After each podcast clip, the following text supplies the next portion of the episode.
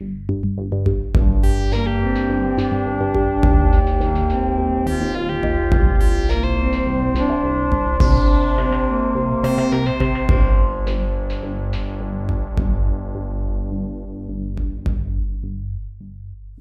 det här är Filterpodden avsnitt nummer 92 med mig Madeleine Polnov som är reporter på magasinet Filter och en helt ny röst, nämligen Leon Foss Gustafsson som är praktikant på magasinet Filter. Precis, Leon har varit här under hösten och nu har han skrivit ett reportage som vi ska prata mer om. Det handlar om dopaminfasta. Jajamensan. Ja, vi återkommer till det. Det är nämligen ett av reportagen som redan nu finns på magasinet filter.se. Vi har ju eh, börjat publicera mer och mer saker på vår hemsida istället för bara i tidningen. Eh, vissa saker kommer man kunna läsa i tidningen senare när den kommer, men vissa saker hittar man faktiskt bara på webben. Därför är det ju en väldigt bra idé att vara digital prenumerant på Filter numera. Och eh, om man inte redan är det så har vi ett erbjudande där det är gratis första månaden. Ni hittar erbjudandet på magasinet filter.se såklart. Och eh, även att följa våra sociala medier så att man eh, liksom får koll på när det händer saker. För det händer ganska mycket skulle jag säga. I alla fall jämfört med tidigare. Ehm, bland annat så kommer ni att kunna läsa en intervju med den gamla filter och eh, offside pressbekantingen Marcus Torjeby. Han eh, kanske ni har sett på tv nu, för han har ett program på SVT som heter Husdrömmardokumentären Att bära ett hus. Där eh, de följer med Marcus Torjeby och hans familj när de bygger ett hus uppe på fjället mellan Undersåker och Järpen. Och Markus Marcus Torjeby vill ju sällan göra det särskilt lätt för sig. Så att han har fraktat tre ton byggmaterial till fots. Sammanlagt 50 mil ska det vara. Låter skitjobbigt men eh, när Marcus Torjeby gör det så har man ju en tendens att liksom bli inspirerad och upplivad av det där istället för att bli känna sig dålig själv. Vilket jag hade kunnat gjort annars. Han har ju också precis släppt en bok som heter En plats på jorden som handlar om det här. Och eh, vi kommer att publicera en intervju med Marcus Torjeby på eh, filter. magasinet filter.se alldeles eh, strax. Så håll utkik där. Dessutom så är det ju fredag idag. Det är en högtidsdag för mig. För att då är det På spåret på kvällen. Jag vet inte, bryr du dig om På spåret Leon? Jag måste säga att jag är inte en lika lojal följare som många i min omgivning. du, är, eller du är inte i minoritet, men det är ju två och en halv miljoner människor som sitter och kollar på På spåret. Alltså. Det är ju ett av våra mest, kanske det mest populära tv-programmet tror jag. Och eh, min reporterkollega Oskar Son Lindell är ett lika stort fan som jag. Vi går igenom eh, frågorna varje måndag när vi kommer till jobbet. Så Oskar tog sig an drömuppdraget att eh, gå bakom kulisserna på På spåret. Han har pratat med alla möjliga, naturligtvis med eh, Christian Lok och Fredrik Lindström. Men även med producenter, frågeskrivare, till de som fixar tågtillstånden. Det är tydligen skitkrångligt att få tillstånd att filma från eh, loken i olika länder. Ja, det är verkligen en högtidsstund för alla oss som älskar På spåret att läsa Oscars reportage. Det kommer vi att publicera på magasinetfilter.se också, så håll koll där. Och dessutom har vi ju då Leos reportage där om dopaminfasta. Det här är ett begrepp jag har hört talas om först under det här året när det har börjat skrivas om dopaminfasta i lite olika svenska tidningar och eh, synts på tv lite och sådär. Men Leon, alltså vad, vad, är det här med dopaminfasta egentligen? Vad går det ut på? Ja, som namnet skvallrar om så handlar det om att fasta från aktiviteter som utlöser dopamin. Mm. Och det är en lång rad av aktiviteter som gör det. Men eh, för dopaminfasta handlar det då ofta om att avstå från att äta god mat, dricka alkohol, använda nikotin och tobak eller lyssna på musik. Men någonting som är än vanligare när vi pratar om just dopaminfasta det är att du ska avstå från dopamintriggande aktiviteter som är kopplade till skärmar. Mm. Så det innebär att du inte ska kolla på serier och hålla dig borta från mobilen, inget scrollande på sociala medier och eh, inget dataspel. Okej, du ska ha det tråkigt. Ja, Typ. mer eller mindre. Och sen är det ju eh, vissa som eh, tar det väldigt bokstavligt det här med fasta från dopamin. Mhm. Så eh, för dem innebär då även ingen läsning, ingen träning, faktiskt ingen pulshöjande aktivitet alls.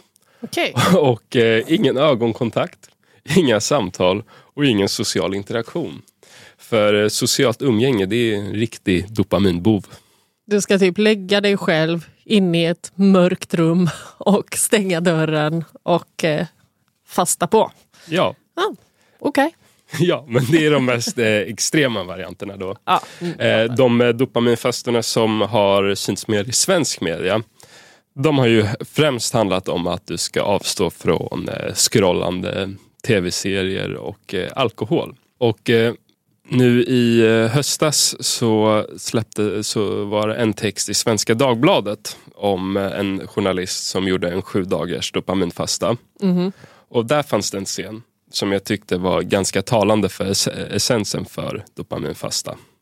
Och det var när journalisten bytte ut sitt eh, vinglas som hon brukade ta under kvällen mot en knäckemacka.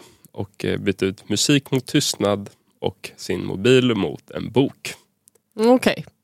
Vad är då poängen med att göra det här? ja, det är, det är ju det viktiga. Och det är att det säljs in, dopaminfasta säljs in som ett sätt att få kontroll över hjärnans belöningssystem. Någonstans återställa hjärnan och få oss att återfå fokus. Och eh, även ofta som ett sätt att bryta beroenden. Framförallt då skärmberoenden. Mm, Okej. Men vi kanske ska ta det ännu ett steg bak. och liksom, Vad är dopamin egentligen? För att Dopamin har jag hört talas om lite längre än själva dopaminfastan. Men vad, vad är dopamin? Hur används? Vad, vad handlar det om? Ja, dopamin, den signalsubstansen, den har ju eh, verkligen fått en stor spridning i eh, allmänheten och i medier så under de senaste eh, årtiondena. Men då kanske vi först och främst ska prata lite, förklara lite kort vad dopamin då faktiskt är som signalsubstans. Och ja, det är ju då en molekyl som spelar en avgörande roll för människans motivationsprocess och vår förmåga och eh, att ha en drivkraft. Eh, dopamin missförstås ofta som ett eh, lyckohormon. Men eh, det finns ett citat från eh, Robert Sapolsky, en eh, framstående forskare inom ämnet. Och han eh, säger så här. Dopamine is not about the pursuit of happiness. It's about the happiness in pursuit. Alltså, dopamin handlar inte om att få glädje, utan dopamin handlar om att söka glädje. Okej. Ja, Ja. jag är med. Men Jag är eh, med. hur som helst, dopamin. Det blir någonstans favoritordet för att eh, beskriva dagens samhälle ofta. Där vi, har, eh, där vi ständigt söker efter eh, skräpmat och shopping. Och, och nu ännu mer de senaste årtiondena då med eh, som tillgång till eh, skärmar med nätporr och sociala medier och tidslöst scrollande och eh, dataspel. Och anledningen att vi eh, spenderar så mycket tid med det vi just nämnt, det, brukar just eh, stavas dopamin. Och att de här dopaminpåslagen som de här aktiviteterna gör, eh, ger, att de någonstans gör oss beroende. Och eh, med tiden till och med urholkar glädjen för andra aktiviteter. Så till exempel om du har suttit och scrollat sociala medier längre, då är det inte längre något roligt att sitta ner och lugnt och fint läsa en bok. Mm, jag förstår. Och det är klart, nu är det så mycket då som pockar på vår uppmärksamhet. Vi kan shoppa dygnet runt om vi vill, för vi kan göra det på nätet och det finns eh, Foodora och andra tjänster så vi kan beställa hem skräpmat när vi vill. På natten nu också fick jag något. Ja. Eh, Okej, så att det, det är ännu svårare nu då att motstå alla de här dopaminpåslagen. Jag förstår. Det är dopaminfrossa brukar jag oftast talas om. Dopaminfrossa. Ja, och eh, då är dopaminfasta. Det som är botemedlet mot dopaminfrossandet. Jag förstår. Jag förstår. Det är ju lite kul i sammanhanget ändå att mycket av den här trenden kring dopaminfasta, att det har spridits just via sociala medier. Där har det blivit superstort har jag förstått på TikTok, Youtube och sådana ställen. Ja, exakt. Det drar ju eh, hundratals miljoners visningar med eh, den hashtaggen då med dopaminfasta. På Youtube får eh, videorna där människor går igenom dopaminfasta också tiotals miljoners visningar. Det var ju ett community där, där dopaminfasta eh, snabbt etablerade sig och det var just människor på Youtube som är intresserade av eh, självhjälp. Mm. Och eh, om du ska klicka på deras bilderna som står för de här videorna som ska locka en att klicka på dem. Mm. De är ganska talande. Då har du ett tidigt före och efter dopaminfastan. Så innan, då är det en bild på skräpmat, en människa med ringar under ögonen, som scrollar på mobilen. Och efter dopaminfastan, då har den här människan blivit fräsch och fin och tränar nu istället och läser en bok. Ja, nej, men det förstår man ju är lockande. Klassiskt knep det där ändå, före och efterbilder. Ja, exakt. men det har ju också eh, dykt upp eh, ett gäng profiler som har hjälpt till att driva på den här trenden, eller hur? Nej, men precis. Så eh, det finns en människa som eh, har eh, gett en stor uppmärksamhet och som blev intervjuad i New York Times kring fenomenet. Han heter James Sinke och han är i grunden utbildad kemist men är lite av en uppfinnare och entreprenör där i Silicon Valley där han har startat en rad lyckosamma företag. Och det blev eh, viralt då med dopaminfasta efter att denna James Sinkia hade stött på sin gamla klasskamrat på gatan i San Francisco. Och eh, de hade inte sett varandra på ett år, hade ett livat samtal tills James Sinkia avbröt det tvärt och sa det här är för exalterande för mig. Jag är på dopaminfasta så så här kul ska vi inte ha det. Och eh, gick vidare helt enkelt. Mm. Ja, och eh, hon eh, tweetade om det som hade hänt. Och eh, ja, det fick eh, stor uppmärksamhet och eh, han tog tillfället i akt för att eh, berätta vad det var han höll på med när han gjorde dopaminfasta. Och då berättade han om hur eh, samhället idag, eh, att det finns så många stimulanskällor att det och för honom så blev det svårt med arbetsdisciplinen då. Mm -hmm och dopaminfasta, det blev lösningen. Så han sa att efter en dopaminfasta, då blev det riktigt roligt att jobba 70 timmar i veckan igen. Alltså det är ju verkligen ett, ett problem jag skulle vilja ha en lösning på också, att det ska bli roligt att jobba 70 timmar i Nej. veckan igen. Det känns som ett gott liv. Exakt. ja, okay. Men eh, där, om vi är inne på Silicon Valley så är det ju ett område som eh, väldigt snabbt då anammade det här, inte så förvånande. Nej. Eh, där finns det en eh, verksam eh, psykiatriker och professor som driver en klinik där. Och när du går till den här kliniken i Silicon Valley då, då verkar det inte vara på grund av psykisk ohälsa utan för att du vill bli mer produktiv med ditt arbete. Och då har Seppa berättat att dopaminfasta, det är det han tillskriver sina klienter mm. som vill bli mer produktiva. Okej. Okay. Ja, nej men eh, Silicon Valley, ja. en eh, egen eh, värld kan man säga. Absolut. Ja. Det här är ju sociala medier då och i Silicon Valley har det fått stor eh, spridning men eh, allt det här talet om eh, dopamin och det dopaminfrossande samtalet det, det finns ju även i finrummet. Och eh, det är en människa som har spelat en särskilt avgörande roll i den utvecklingen och eh, det är Anna Lemke som också är professor på Stanford. Hon släppte 2021 den här boken eh, Dopamination, Finding Balance in the Age of Indulgence som är en ganska talande titel mm. för hela budskapet. då. Och den blev snabbt hyllad och eh, blev bästsäljare då på New York Times. Och eh, hennes budskap det är sipprat över då till eh, Sverige. Mm. Så sent som i somras så hade du då kulturkrönikor i Svenska Dagbladet som tog avstamp i hennes tes och hennes skildring av det dopaminfrossande samhället. Mm.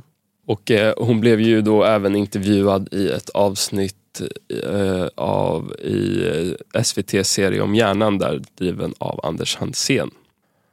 Men eh, när det kommer till eh, snacket om dopamin och dopaminfasta i Sverige så finns det en särskilt avgörande människa och det är Patrik Vincent.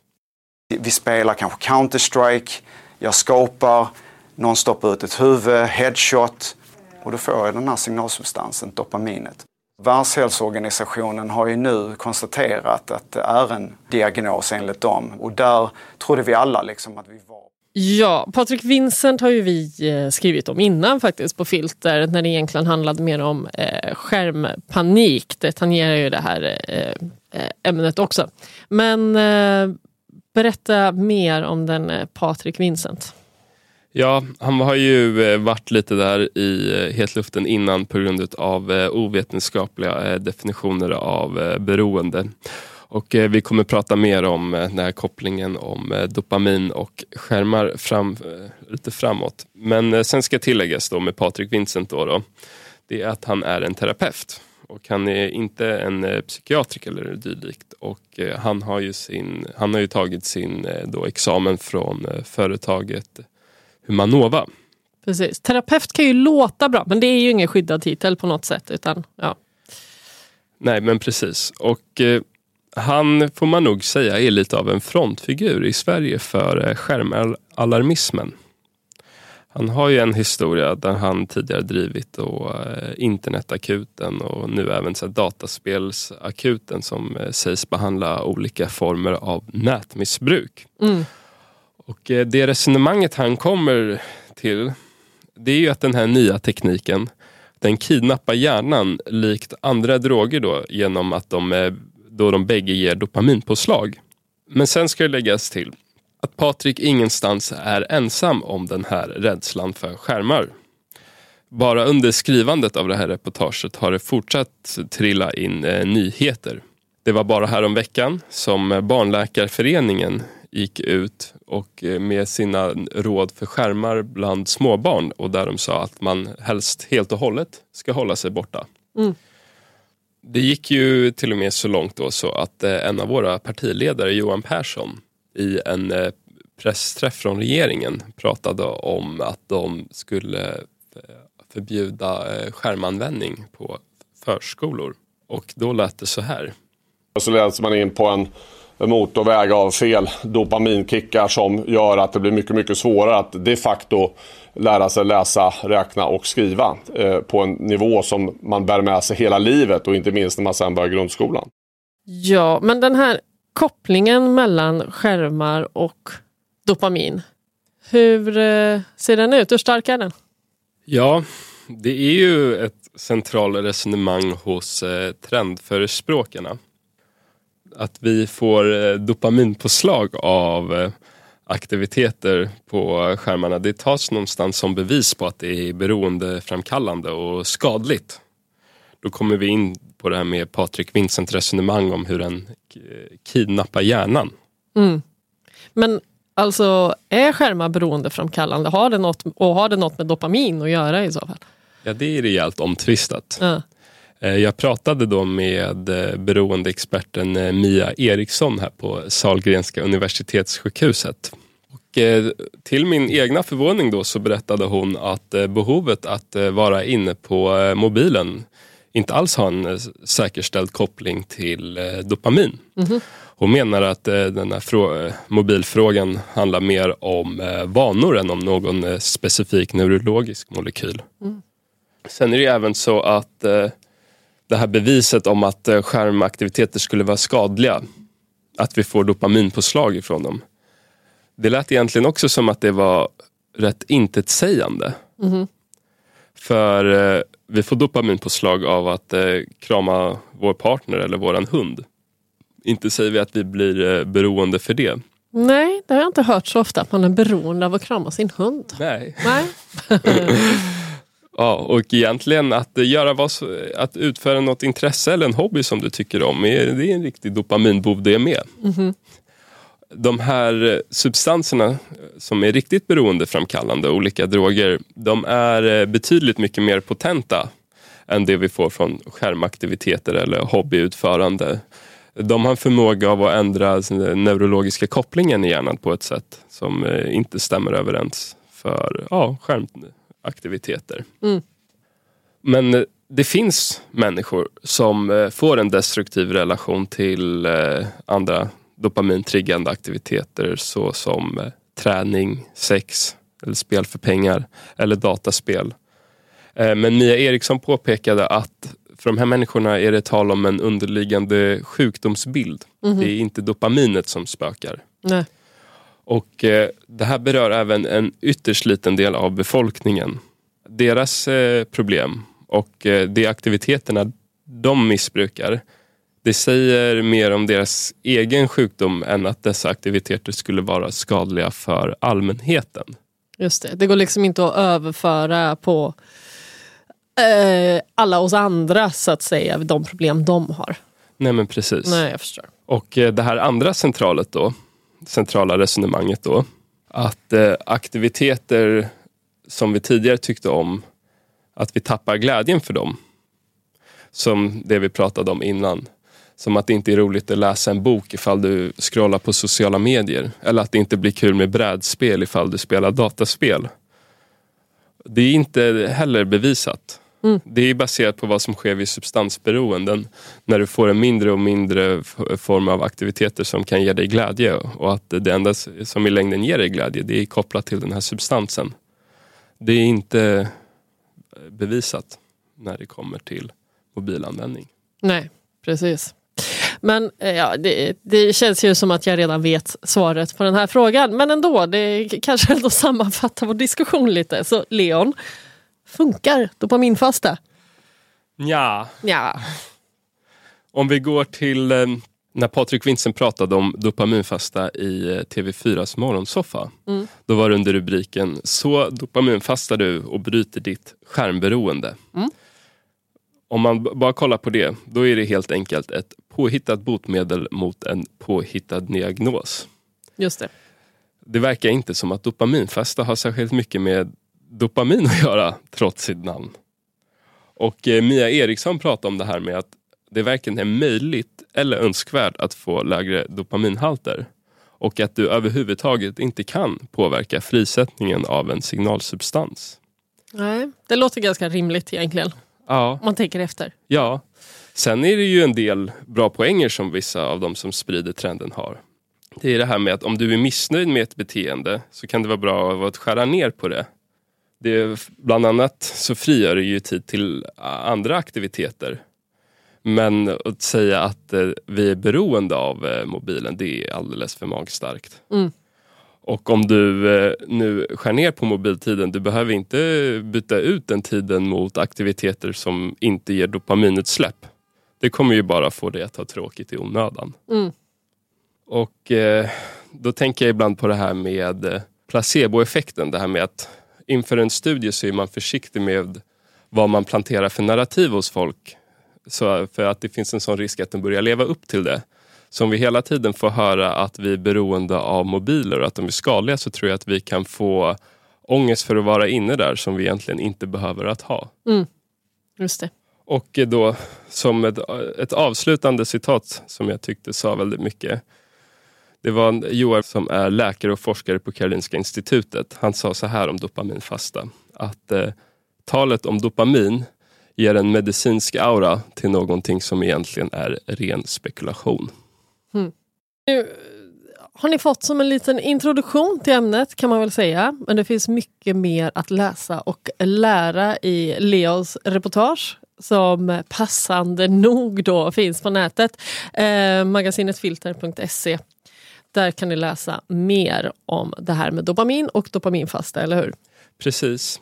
Där gås det mer grundligt igenom hur eh, dopamin har blivit ett eh, populistiskt uttryck som då oftast används fel och vi har även gått in mer på hur de studierna som finns idag inte har lyckats hitta en tydlig koppling mellan psykisk ohälsa och eh, skärmtid.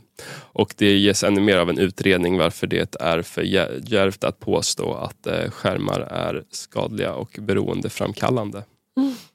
Så in och läs eh, och följ gärna Filterpodden på Spotify så att ni inte missar något avsnitt. Uh, nu har vi ju faktiskt uh, börjat gästa lite, annars så kommer vi ju varg, varannan fredag med Filterpodden. Men nu för några veckor sedan då fanns det till exempel ett inläst reportage som man hade kunnat missa om man bara går in på fredagarna, för det släppte vi på en måndag och en tisdag. Så missa inget, följ oss på Spotify och uh, så hörs vi snart igen. Ha det gott! Ha det gott!